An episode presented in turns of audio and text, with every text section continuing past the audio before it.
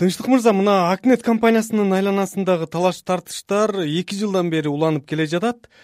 Бир тарабы мунун артында рейдерлик басып алуу болуп жатат десе экинчи тарабы салыктар жашырылган э, дивидендтер берилген эмес деп билдирип келет. Сиздин оюңузча бул талаштар эмне менен байланыштуу? Эми бул акнет компаниясы бул байланыш тармагында өзүнүн орду бар. Жыйырма жылдан ашык тарыхы бар компания да анан эгер бул жерде мамлекет менен ошол компаниянын ортосунда жана каржылык маселелер боло турган болсо мен ойлойм компаниянын ичиндеги жанагы үч түзүүчү үч ээлик кылуучулар биригип алып мамлекет менен өздөрүнүн салыктан жашырбагандыгын мыйзамдарды каржылык жактан бузбагандыгын талаш тартышып болот э, өкмөт менен талаш тартышып сот аркылуу болсо дагы баягы каржылык маселенин аягына чыгышат эле да анан бул жерде ошол ээлик кылуучулардын ортосунда чыр болуп анан бир тарабы мамлекеттик кызматтарга фин полицияга таянып экинчи тарабы сотко таянып жанагы сот чечимдери жана камакка алуулар кызыктай жактайды түзүп бул жерде ушул жеке компаниянын ичиндеги чыр эмес ошол ичинен бир ыдыраткан сырттагы бир күчтөрдүн колу бардай көрүнүп атат да башында компаниянын кожоюнун коркутуу болуп жатат деген да видео тарап анан кийин президенти дагы камакка алынган эмес беле. Ооба видео тараган менин артымда баары бар эч кандай эме кылба бекер өкүнүп каласың дегендей видеолор тараганы бекеринен эмес да.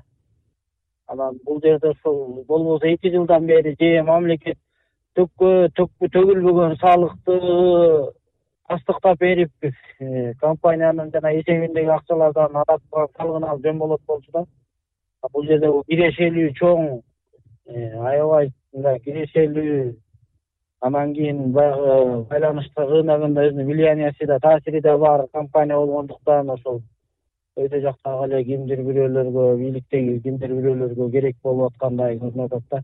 Рейдерлик басып алуу дегенге мындай көбүрөөк окшошуп турат да бул мындай э, сыртынан караганда вечерний бишкек гезитинин жана рубикон э, рекламалык фирмасынын окуяларына окшошуп кетип жаткан жокпу? Анда да ошол рейдерлик деп айтылган эмес беле? Ооба ошол вечерний бишкектеги окуя башталып аткан кезде мен ошол жакта кызматкер элем. Рейдерлик басып алуу ушул эки окуя бири бирине коёндой окшош болуп атат.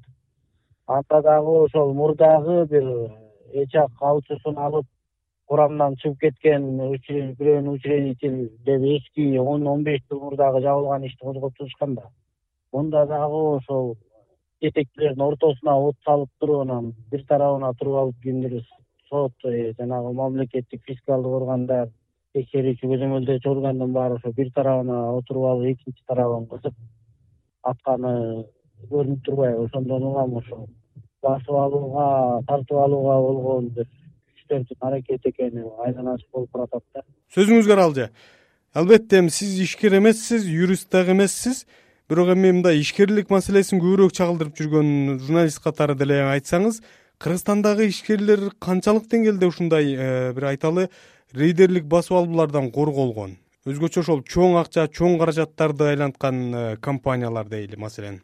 Ооба э, улам бийлик алмашкан сайын ушундай кирешелүү тармактарга ушундай кол салуулар улам улам болуп келатат да. Баягы капиталдарды таасирлерди кайрадан бөлүштүрүү жаңы ээлик кылуучулар мурдагы ээлик кылуучулардан тартып алуу саясаты тилекке каршы токтобой ошо.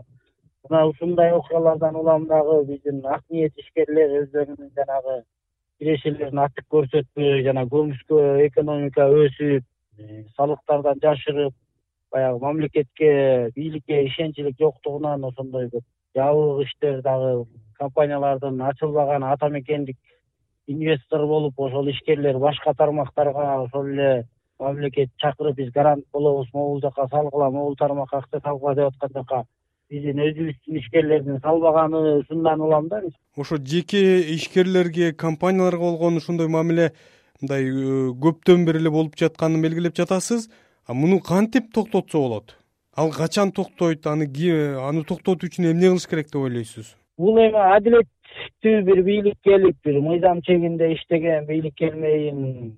Мыйзамдардын үстөмдүгү адамдардын үстөмдүгүнөн өйдө көтөрүлмөй мындай иштер токтобой калды окшойт бизде. Мөөнөкөткө айланып калды да